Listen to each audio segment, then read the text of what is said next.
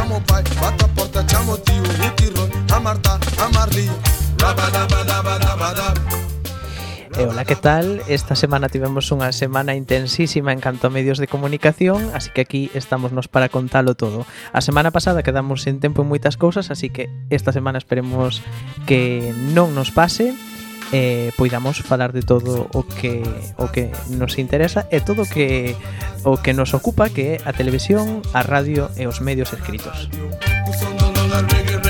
Música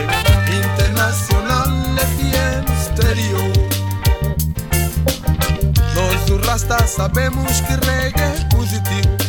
Positivo. Por isso cantamos e dançamos reggae music.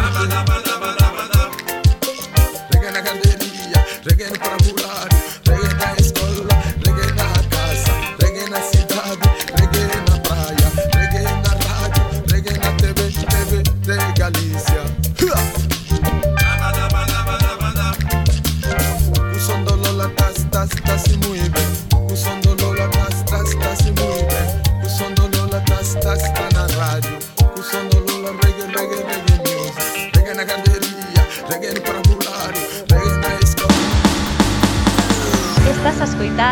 se ve en la radio.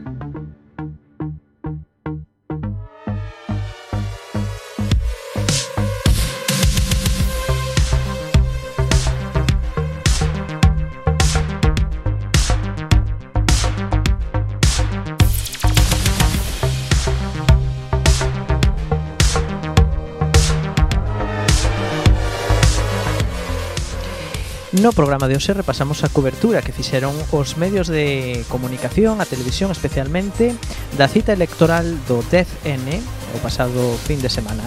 O día 4 de novembro tivo lugar no Parlamento tamén unha comisión de orzamentos na que compareceu o director xeral da CRTVG para expor os datos que os datos do ente público para o ano que ven e os escoitaremos e repasaremos toda a información que nos deixou esta comparecencia.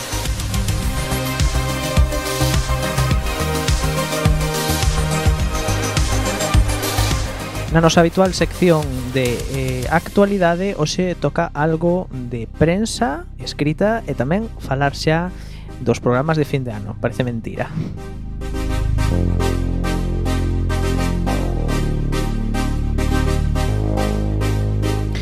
Eurovisión Junior celebra a súa final en Polonia este sábado 24 xe. Sen falta repasaremos todas as cancións desta edición E seguimos con Eurovisión, xa que repasaremos todas as novas que se produciron estes días que a verdade é que foron bastantes.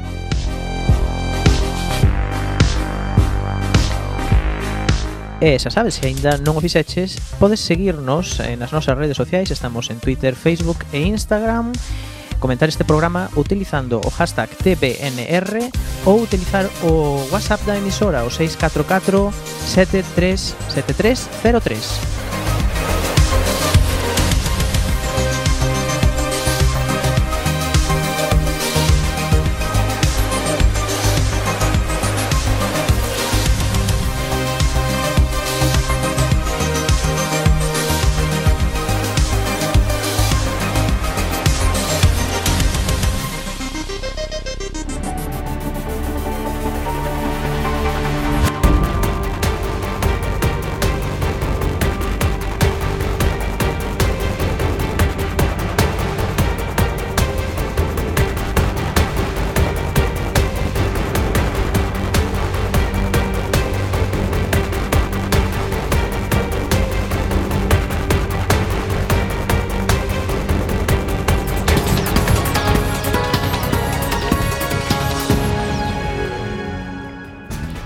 Boas tardes, falta media hora para que pechen os colexios electorais. Aquí arranca na Televisión de Galicia un especial informativo no que daremos conta de todos os datos e todas as cifras que nos deixe esta xornada de eleccións. Por diante teremos máis de 5 horas en directo para ofrecerlles todos os detalles deste día no que 37 millóns de españois estamos chamados ás urnas. En xogo, Marta, moi boas tardes. Están hoxe os 350 representantes representantes do Congreso e os 208 do Senado. A maioría da Cámara baixa está nos 176 escanos. Así é.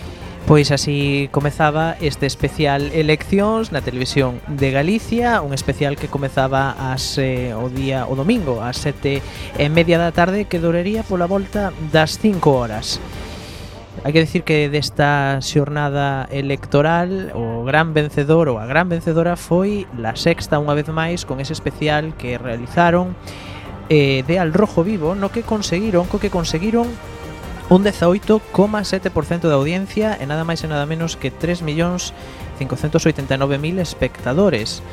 La 1 de Televisión Española pois foi a segunda opción dos eh, telespectadores, eh, conseguiu un 10 2,9% de share e 2.090.000 espectadores. Realmente ambas as dúas canles empeoran algo con respecto aos datos dos comicios eh, dos especiais que realizaron para os comicios de abril. Antena 3 e eh, Telecinco tamén realizaron os seus especiais eh, televisivos para a cobertura destes comicios. Eh, por exemplo, Antena 3 obtivo un 9,8% de share e Telecinco un 8,8% de share. Así que aquí digamos que a gran perdedora pois foi un pouco Telecinco.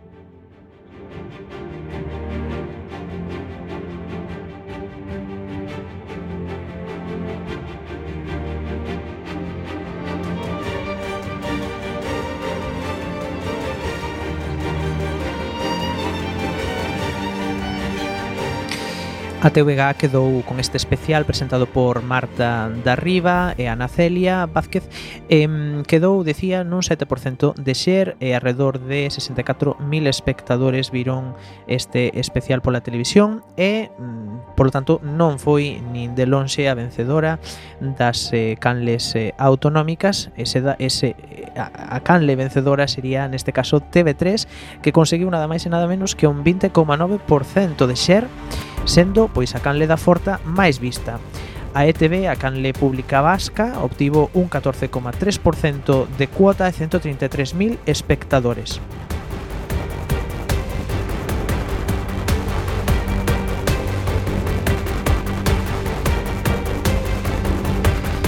A victoria electoral de La Sexta pois é a doceava consecutiva para a canle de A3 Media, que leva gañando todas as noites electorais desde o ano 2014. E TV, aínda que o intenta, parece que non consegue eh, porse na primeira posición. Hai que decir que eh, desta vez sí que realizaron un, un especial moi ben traballado, eh, un especial que ademais comezou dunha forma moi espectacular. Escoitamos como comezaba este especial en Televisión Española. Música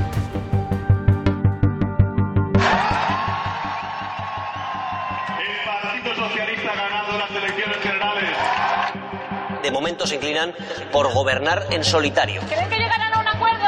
Cuando usted propuso ese gobierno de coalición, no lo decía en serio. Lo que quería desde el principio eran elecciones. Puro teatro, señor Sánchez. Puro teatro. Vox ha venido para quedarse. Su Majestad el Rey ha firmado esta mañana la convocatoria de elecciones generales. El 10 de noviembre. Se levanta la sesión.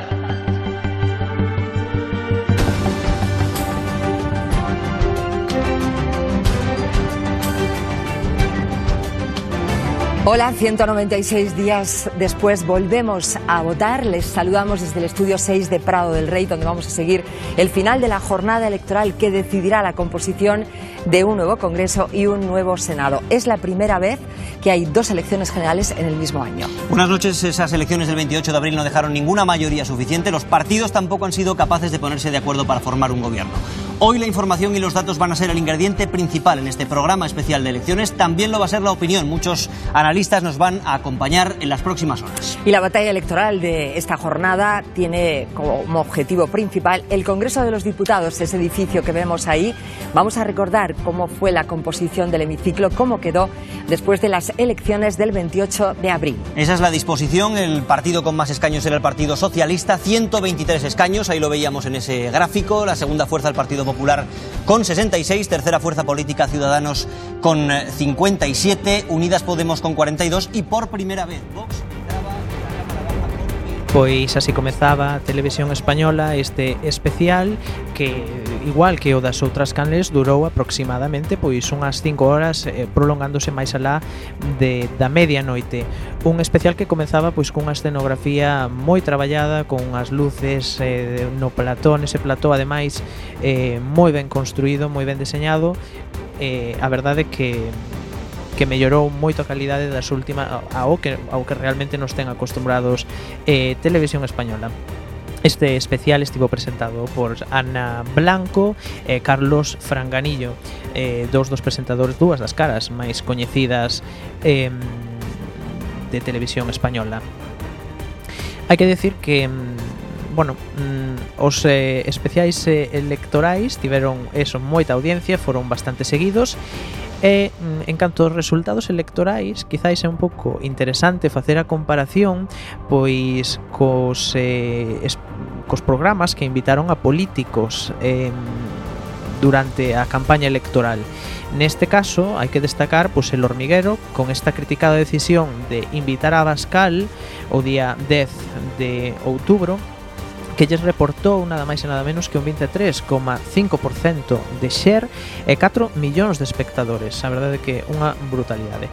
E só eh, seguido en segunda posición por o eh, especial informativos de Telecinco eh, no que invitaron a Pablo Iglesias eh, co que obtiveron un 15,5% de share e 2.490.000 eh, espectadores. Cabe preguntarse, pois, eh, quizáis eh, o, o poder que, que ten a televisión eh, o, que ten o poder que teñen non só a televisión, senón tamén pois os, eh, os medios a hora de convocar eh, e a hora de difundir certas mensaxes políticas. En fin, que, que isto foron os especiais electorais e agora pois eh, tocará non seguir contando como se vai producindo a actualidade. De momento, ata aquí eh, todo o que ten que ver política. Every time you look outside your window Everything is just the same as before. You are turning round and round. You see it's a sad day for sure. Taste the fruit of me. Make love to all you see you make a, make a, make a wish on my love? Ah, would you make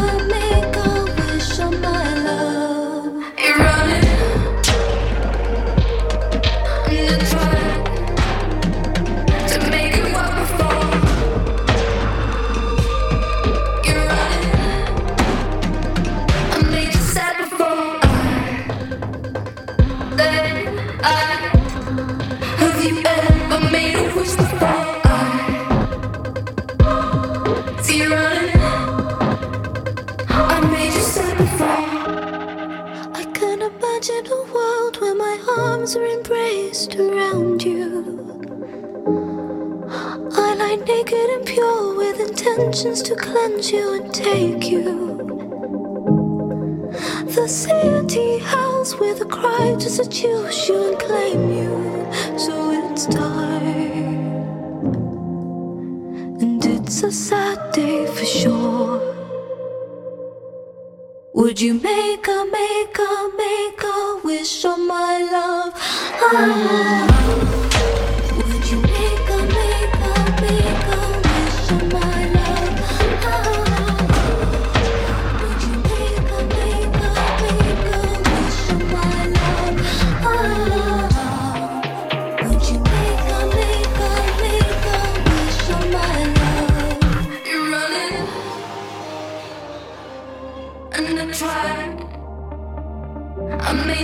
before.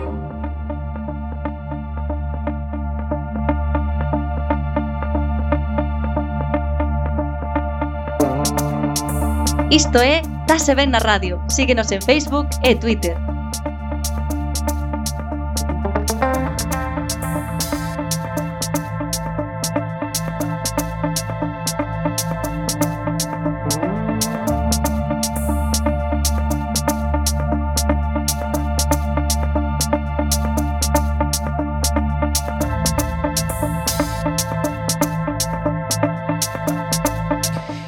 seguimos en Tase Ben na radio e agora pasamos a asuntos máis de aquí do país porque falamos da Comisión de Orzamentos que tivo lugar eh, a semana pasada, concretamente o luns 4 no Parlamento de Galiza eh, na que eh, compareceu o, o compareceu o, pre, o o director xeral da Radio Televisión de Galicia, en a que anunciou que a CRTVG contará cun orzamento de 111,2 millóns en 2020, máis que aumentará a inversión en produción externa.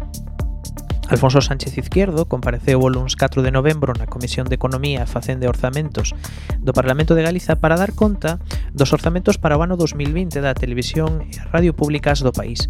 Durante a súa intervención anunciou que a CRTVG contará cuns orzamentos de 111,2 millóns de euros para o vindeiro ano, o que supón 2 millóns máis que o ano anterior, e dos cales 103 proceden da Xunta e 7,2 millóns está previsto que se sean recadados mediante publicidade.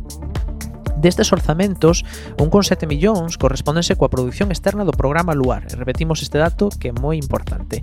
1,7 millóns, bueno, importante e sorprendente, 1,7 millóns correspóndense coa produción externa do programa Luar e 0,8 a coproduccións audiovisuais. Destes orzamentos tamén 0,5 millóns destinaránse á modernización tecnolóxica na que a TVG está eh, inmersa e destinaránse tamén 27,5 millóns á producción externa, un aumento respecto do ano pasado cando se destinaron a este fin 25 millóns. Escoitamos agora a, ao director xeral da CRTVG, Sánchez Izquierdo, anunciar estes datos. Como verán, ao respecto da chega patrimonial á Corporación RTVG, estímase un incremento de máis 2,9 millóns de euros. Isto fixa o valor total en 103 millóns de euros, dos cuales 102,8 millóns de euros financian operacións de explotación e aproximadamente 0,25 millóns de euros de capital. Este conxunto de traballos permitiron identificar de forma coherente e xustificada os créditos a consignar nas aplicacións e nos recursos que conforman o proxecto de orzamento para o 2020, o cal hoxe é obxeto de presentación por este director xeral nesta comisión parlamentaria. E entro xa na presentación das cifras concretas do proxecto, do, do, do orzamento.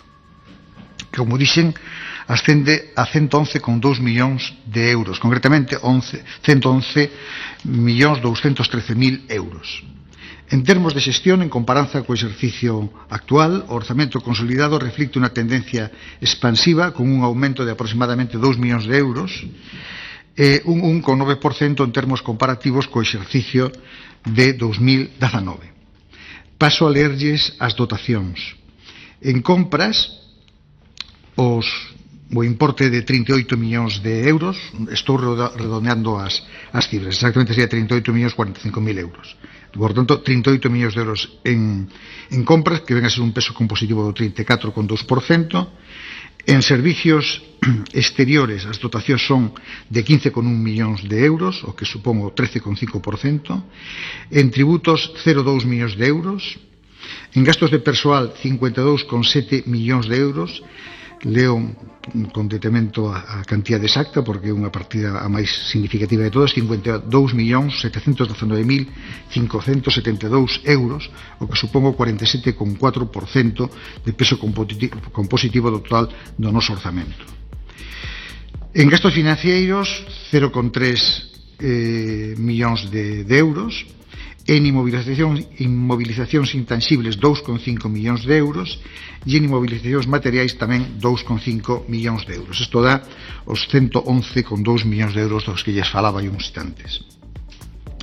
Como verán, o capítulo de inmovilizacións intangibles cada un importe de 2,5 millóns de euros, dos cales 1,7 millóns se corresponden coa produción externa do programa Luar e 0,8 millóns de euros adicados basicamente a coproduccións audiovisuais, A suma total das inmovilizacións intangibles supón un 2,2% do orzamento consolidado. Luis Bará, do Bloque Nacionalista Galego, recordoulle a Sánchez Izquierdo que leva no cargo máis de 10 anos. Insistiu tamén nas denuncias dos traballadores da nosa televisión, no incumprimento por parte da CRTVG e da Xunta da Lei de Medios, así como no peche das delegacións territoriais da CRTVG, polas que lle preguntou ao director xeral do ente público se as teñen previsto recuperar. Escoitamos o que lle preguntaba Luis Bará. Preguntaríalle se vostede ten previsión de ser un director xeral vitalicio, porque claro, mm, creo que leva dez anos no cargo, un pouco máis de máis dez anos e medio case, porque foi nomeado en maio de 2009, e mm, vostede sabe que se aprobou unha lei en 2011 que prevía unha serie de bueno, criterios para a designación e a elección do director xeral. Sabemos que esa lei foi modificada pero sería desexable que houvese un procedimento democrático, coa participación do Parlamento, coas maiorías cualificadas que se prevén na lei para a escolla do cargo do director xeral, non? E que non sexa un posto que vai camiño de ser vitalicio. A lei prevé que sexa un órgano interno de participación dos profesionais, das profesionais do medio. E sabe para que está previsto este órgano por mandato legal? para velar pola independencia, pola objetividade e pola veracidade dos contidos informativos. E nos preguntámonos, se non existe este órgano, quen vela pola independencia, pola objetividade, pola veracidade?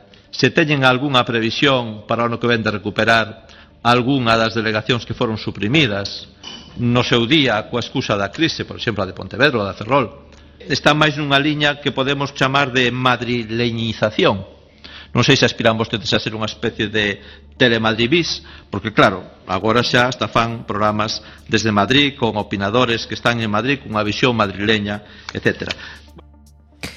Noela Blanco do PSDG destacou que son uns orzamentos para manter a CRTVG baixo mínimo se propuxo designar un novo director da CRTVG por consenso tal como figura na Lei de Medios.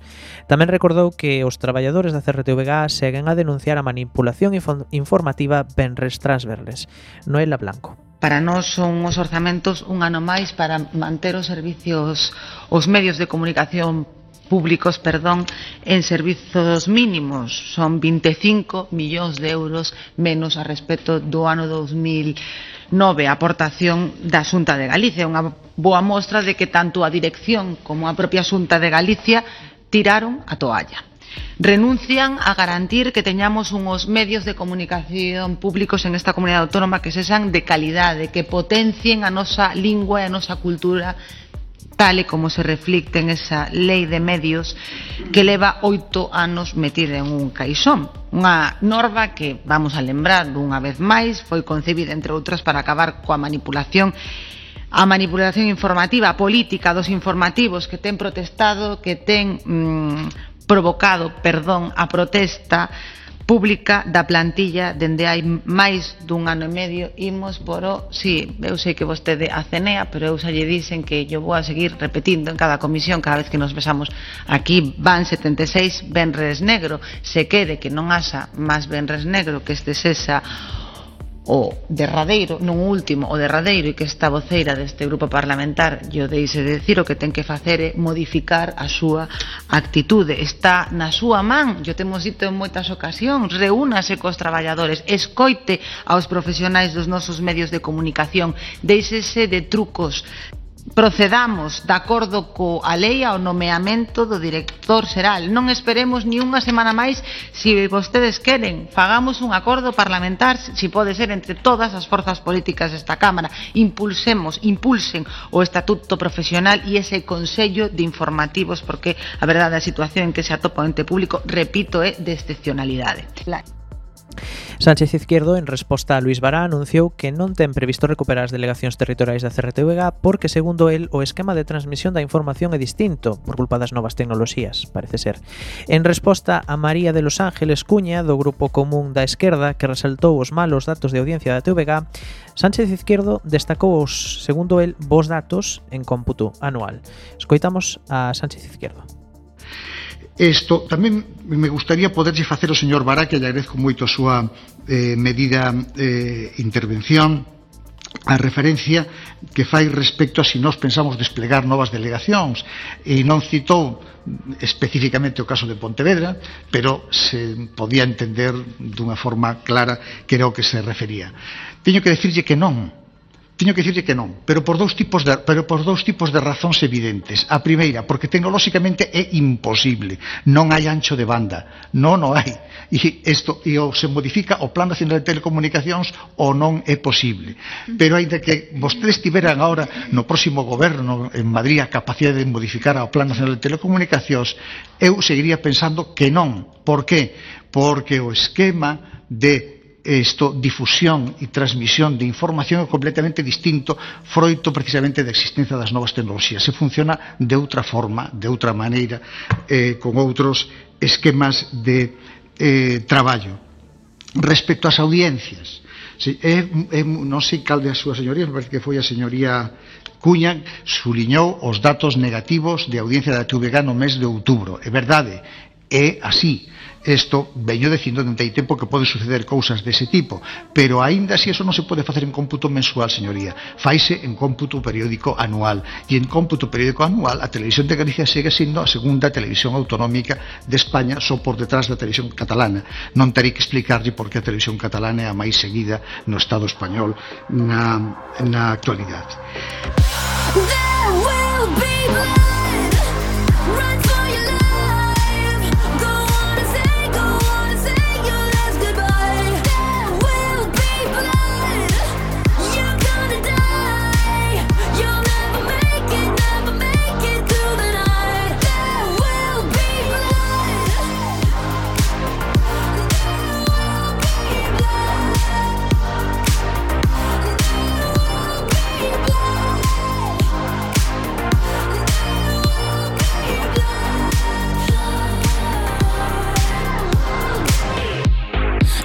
I can save you now. Ain't nobody can hear you shout when I'm pulling you underground. Take a sip from the devil's cup. Just a taste, you won't get enough. Till you fit when you swallow up.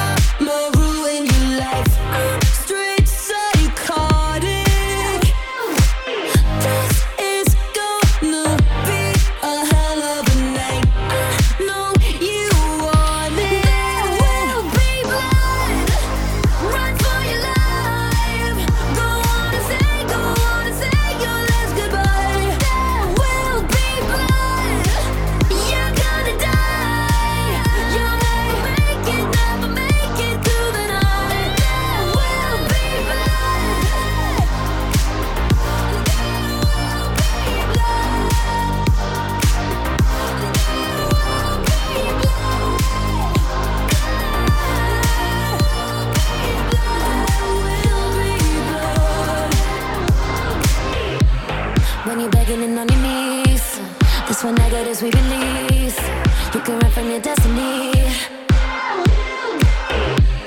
I've been dying to feel alive, and your pain is my paradise. So tonight you can pay the price.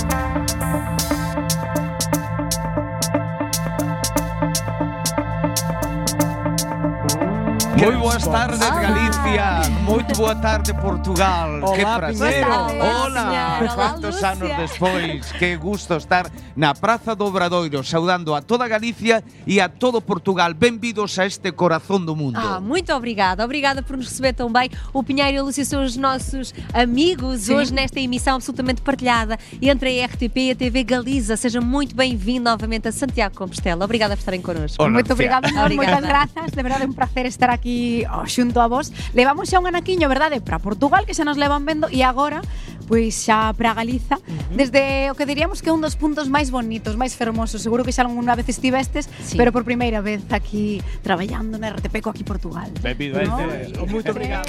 A TVG e a RTP eh, emitiron xuntas en Compostela este sábado. TVG e RTP, Televisión Pública de Portugal, repiten experiencia e voltaron a emitir este pasado sábado un programa en directo desde a capital do noso país Santiago de Compostela. Aquí Portugal, un formato que ten a súa réplica na TVG con Aquí Galicia, estivo presentado por Piñeiro, Lucía Rodríguez e Arturo Fernández da TVG e Elder Reis, Catarina Camacho e Joana Teles da RTP. Esta ocasión significou tamén o regreso de Piñeiro ás nosas pantallas. O programa tivo unha audiencia de 100.000 espectadores en Galiza e acadou un 14% de xer. O programa foi emitido ao mesmo tempo en Portugal e Galiza e durou máis de 5 horas de directo.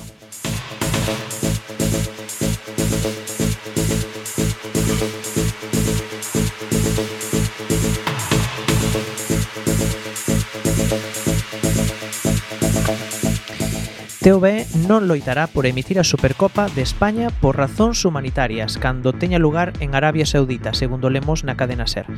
A Supercopa, na que participan o Real Madrid, o Barça, o Atlético e o Valencia, disputase en Arabia Saudí. Saudita. A televisión española eh, non asistirá ao concurso para a emisión da Supercopa de España que se celebrará en Arabia Saudita os próximos días 8, 9 e 12 de xaneiro. A razón do ente público para non ir á posea dos dereitos sería humanitaria sanitaria ao disputarse esta competición nun país que, segundo a corporación, viola os dereitos humanitarios e non respecta a liberdade de expresión. Pola súa banda, o presidente da Federación Española de Fútbol, Luis Rubiales defendeu a elección de Arabia Saudita como sede da Supercopa de España para os próximos tres anos porque é unha competición condenada a morte e contribuirá ao desenvolvemento do fútbol femenino no país. Rubiales engadiu que tiveron varias posibilidades de sacar a Supercopa de España e insistiu en que a elección de Arabia é boa porque axudará a apertura en relación coa igualdade de xénero e os eh, dereitos humanos en xeral. Escoitamos eh, un pequeno corte eh, sobre como eh, anunciaron en Televisión Española que non van cubrir este evento. La radiotelevisión pública no pujará por los derechos de emisión de la Supercopa de España al considerar que el régimen saudí vulnera los derechos de las mujeres, sometidas a un estricto sistema de tutelaje masculino que restringe su libertad. Hay decisiones que cuestan poco y sin embargo valen mucho, como la de RTV de no pujar por los derechos de la Supercopa en Arabia Saudí, un país donde se vulneran a diario los derechos humanos, especialmente los de las mujeres, la mitad de su población sometida a a un régimen autoritario y casi medieval. Estoy segura de que la inmensa mayoría de los hombres y mujeres de bien comparten esta decisión. Televisión Española sigue la línea de organizaciones como Amnistía Internacional. Antena 3 e Telecinco tampouco posearán por emitir esta competición, polo que queda por ver en que canle privada, probablemente eh, en, non en aberto, se emita esta competición.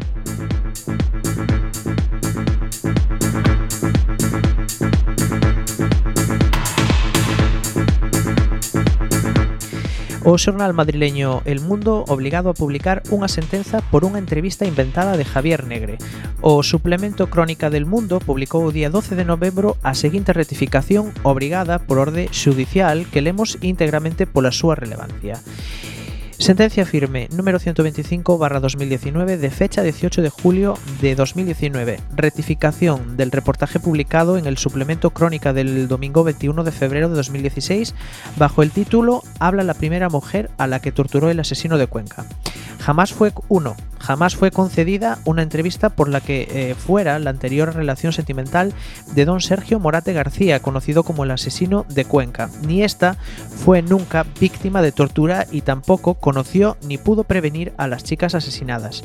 Segundo, asimismo, nunca consintió que este diario publicara una fotografía obtenida de su perfil de Facebook. Dicha fotografía fue obtenida y difundida sin su autorización. Tercero, los hechos eh, periféricos relatados en el reportaje respecto a la vida, profesión, familia y actual relación sentimental de la víctima se ha procurado mantenerlos en el más absoluto anonimato. Esta sentenza fai referencia a un artigo publicado en El Mundo e elaborado por Negre en febreiro de 2016. En agosto de 2015, dúas mulleres foron asesinadas brutalmente en Cuenca. Despois de varios días desaparecidas, confirmáronse as peores sospeitas.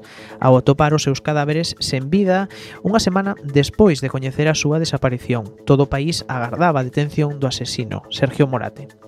Fora un caso moi mediático e la Crónica del Mundo publicaba esta reportaxe de Negre titulada Habla la primera mujer, la primera mujer que eh, torturó a la que torturó el asesino de Cuenca. Na reportaxe Javier Negre daba todo tipo de detalles sobre entrevista que supostamente mantivera con esta persoa e indicaba que por petición desta rapaza mantería o seu anonimato e usaría un nome ficticio. Segundo a versión de Negre, Morate, e lemos textualmente, trabajaba en la tienda de muebles y manejaba mucho dinero, conducía flamantes deportivos y era de los de pagar las rondas a las jóvenes más guapas del bar. Segundo Negre, tamén, estes son, e voltamos ler textualmente, elementos claves para enamorar a unha chica amante de los personajes máis altivos de física ou química. Ademais, Negre afirma que esta moza coñecía a unha das víctimas e que nunca advertiu do que lle podía pasar. Esta sentenza do 18 de xullo de 2019 afirma agora que esta entrevista nunca nunca foi concedida, é dicir, que é inventada e que a moza nunca deu consentimento para que a súa foto fose publicada, cousa que se fixo el mundo obtendo a do seu Facebook persoal. Negre, que colabora en distintos programas de televisión, aínda non se pronunciou sobre esta sentenza, nin tampouco lle preguntaron sobre ela xornalistas como Ana Rosa Quintana, coa que colabora todas as mañás. Se non sabedes quen é este señor, deixamos vos este pequeno corte no que discute con Cristina Fallarás en Todo es mentira de 4. Me has dejado un ratito para que se me calme el corazón, que lo tengo a derecha y a izquierda, ambas partes. Escúchame una cosa, escúchame una cosa, Negre. ¿Tú te crees que en las asociaciones feministas nos dedicamos al baile de faralaes y a hacer un poco eh, las coreografías del ballet Zoom? Y después nos fumamos un porrito y después volvemos a, bailar un ballet Zoom. Pero eh, algunas, algunas, algunas nos callamos como A la tú. chochocharla Te vas a a callar ahora porque te voy a explicar. Y a vivir del cuento. Por- No se puede convertir la protección a las víctimas de Eh, género Javier, por favor, no Javier, está hablando, está hablando. Cristina ahora. No te voy a contestar. No te voy a contestar a la palabra chocho, chochocharla, no te voy a contestar porque me parece tan brutal, tan brutal, porque yo sí he acompañado, yo sí he en participado en patrullas. Que te calles un momento, he dicho.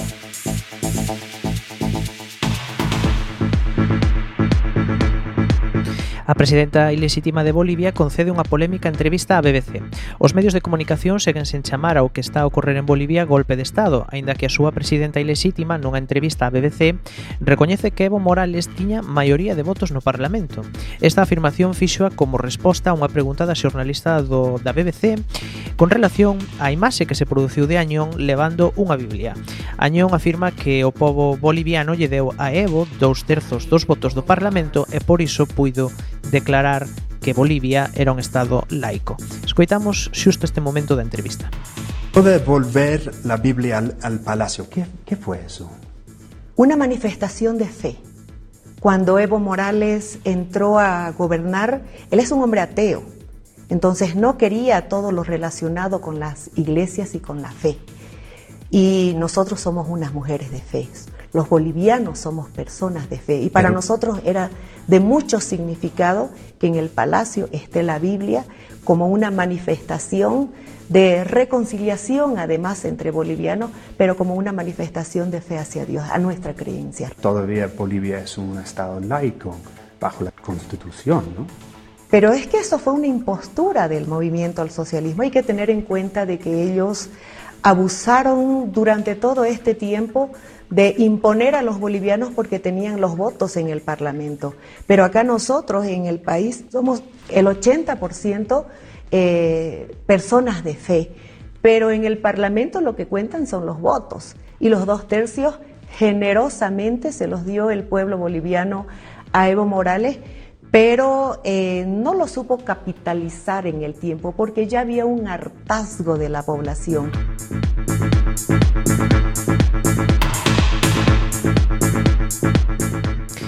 E seguimos falando da BBC porque este pasado sábado os eh, británicos foron dormir despois de escoitar unha polémica entrevista na BBC ao eh, príncipe Andrew. O fillo de Isabel II, o príncipe Andrew, concedeu unha entrevista á BBC desde o Palacio de Buckingham que se emitiu este sábado en horario de máxima audiencia. Foi no programa Newsnight e a entrevista realizou unha xornalista Emily Maitlis. A entrevista, que causou un grande estupor no Reino Unido xa que é calificada como un dos grandes desastres da comunicación pública dos últimos tempos, xa que as respostas vagas, as excusas e a arrogancia do fillo preferido da reiña de Inglaterra non fixeron máis que levantar sospeitas sobre a súa historia. O príncipe Andrew foi fotografado en 2010 con Jeffrey Epstein, eh, anos despois da primeira condena de abusos sexuais de precisamente Epstein. Ademais, é coñecido que dormira varias veces na mansión de Central Park do pedófilo multimillonario que foi atopado morto no cárcere en outubro.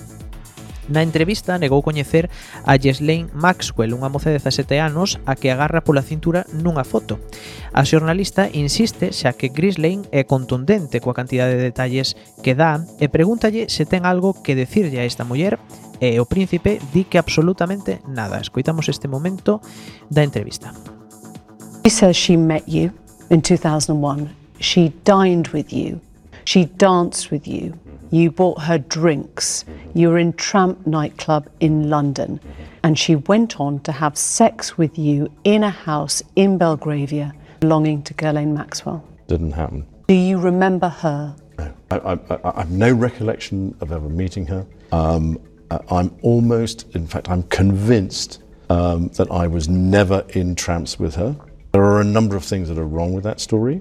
One of which is that is that I don't know where the bar is in, in um, tramps.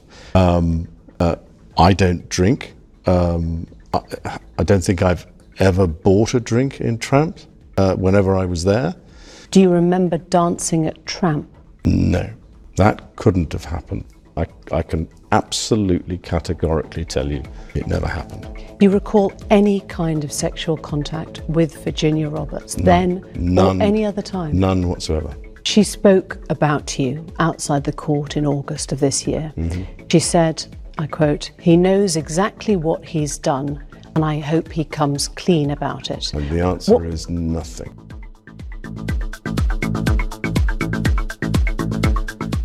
Varias das excusas que ofrece o príncipe Andrew causaron grande sorpresa. Por unha parte di que é imposible que estivese con ela porque estaba nun Pizza Express en Woking, un sitio perto de Londres, e que recorda iso porque non é normal para el ir a un Pizza Express. Ademais, prestando contestando a detalles que proporcionou Grisley Maswell, como por exemplo que o príncipe suaba moito, el di que tamén é imposible porque despois da guerra das Maldivas na que participou e debido á sobredose da adrenalina que supuxo para el esta experiencia, estivo certo tempo sen suar. On that particular day that, that, that um, uh, uh, we now understand is the date, which is the 10th of March, uh, I was at home. Uh, I was with the children. I'd taken Beatrice to uh, a Pizza Express in Woking for a party at a, I suppose, sort of four or five in the afternoon. Why would you remember that so specifically? Why would you remember a, a Pizza Express birthday and being at home? Because going to Pizza Express in Woking is an unusual thing for me to do. She was very specific about that night. She described dancing with you No. and you profusely sweating, and that she went on to have There's bath, a- there's a s- possibly. there's a slight problem with with with with, with the sweating um, because uh, I, I, I have a peculiar medical condition, which is that I don't sweat, um, or I didn't sweat at the time, and that was oh actually yes, I didn't sweat at the time because I um, ha- had suffered what I would describe as an overdose of adrenaline in the Falklands War when I was shot at. Uh, and I simply, it, it was, it was, it was almost impossible for me to, to, to sweat.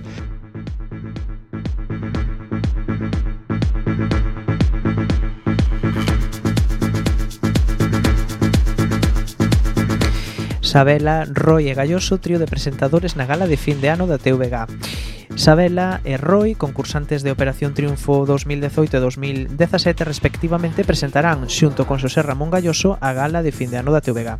Anunciou no a propia Sabela este venres pasado no programa Luar, onde acudía a presentar Despedida, o primeiro tema do seu primeiro disco que sairá este 29 de novembro. Sorry, you all seem to have forgotten.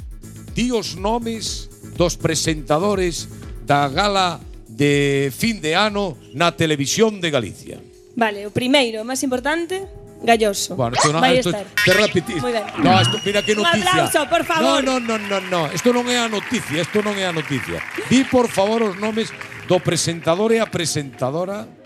Vale. Pois o presentador vai a ser Roy Méndez. Roy Méndez, presentador da gala de fin de ano na televisión de Galicia. E a presentadora vai a ser... Eu. Sabela! Aí vai, eh? A que temos preparada e armada. A ver se si paso o exame, eh? Si, a ver, si, como bueno, a ver. A ver, a ver. Ti no colexo ben, non? Sí, sí, máis ou menos ben. Ti logaritmos, derivadas... Sí, sí, sí, estás, no, eso todo... Que o que facemos nivel esa noite? superior. Esa noite non paramos de facer. Escoita por peladeira ver Vamos a topar outro querer.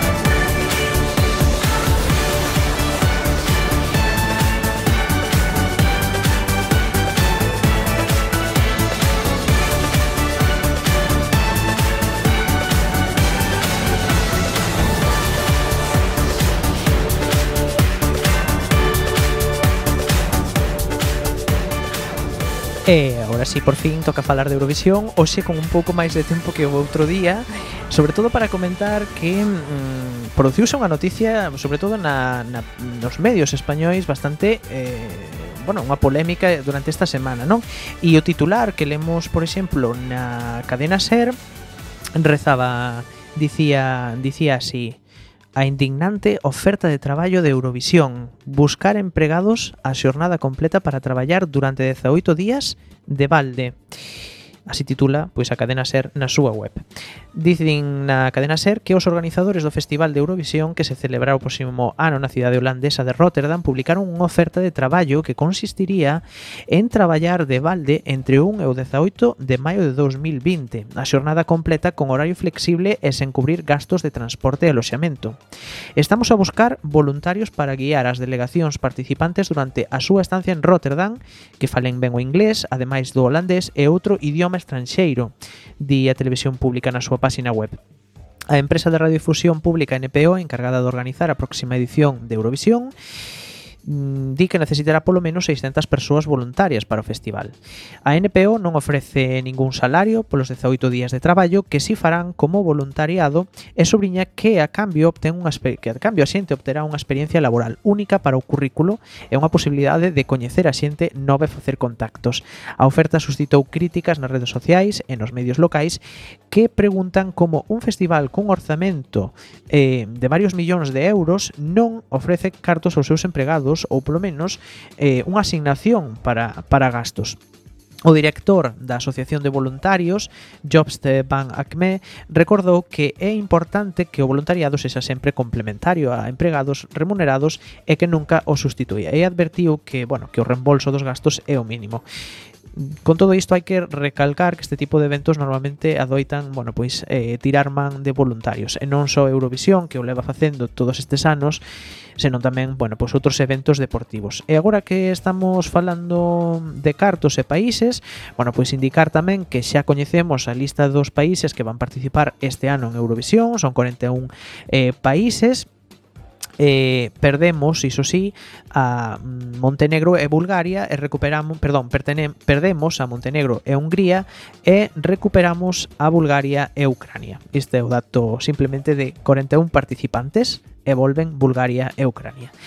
En canto ao presuposto de Eurovisión 2020, o seu programa vai de cartos, eh, xa temos o dato. Costará 26, polo, de momento, 26,5 millóns de euros. E a NPO, a televisión Holland, eh, dos Países Baixos, solicita ah, ao goberno axuda adicional.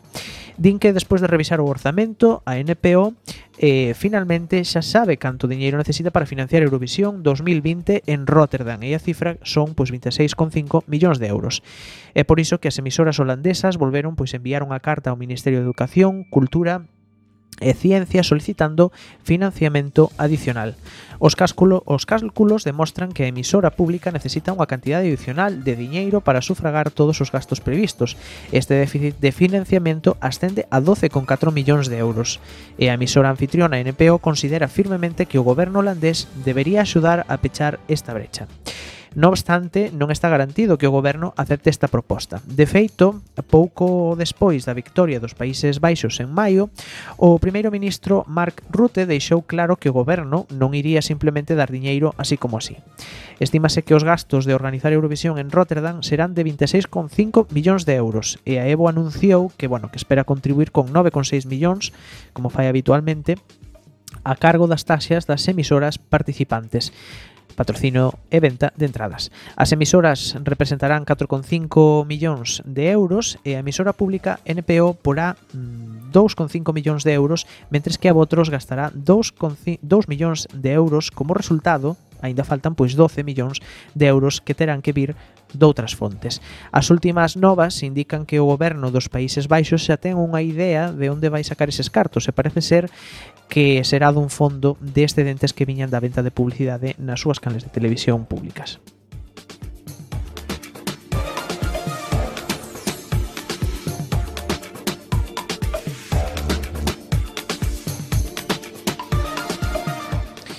eh, este fin de semana eh, celebrarase Eurovisión Junior eh, na Polonia.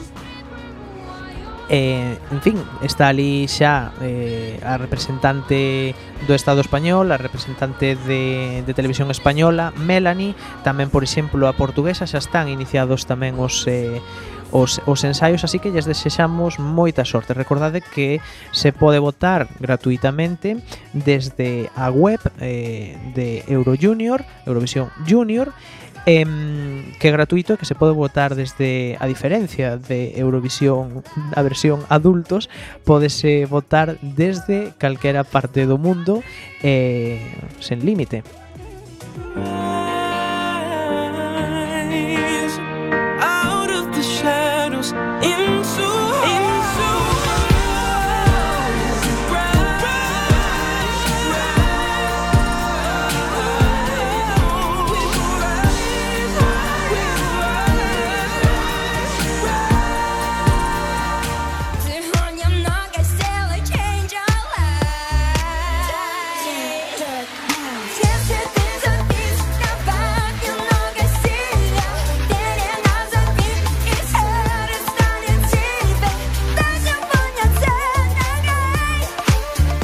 Pois deixamos aquí a música de Euro Junior e eh, damos as gracias por escoitarnos eh, un día máis eh, no, no un, unha semana máis neste programa.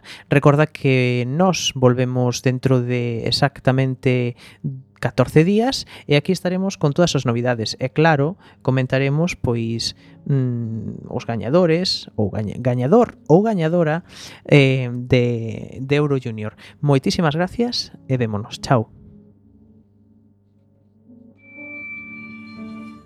Estás a escoitar Tase Ben na radio, o programa onde falamos de medios e as súas cousas.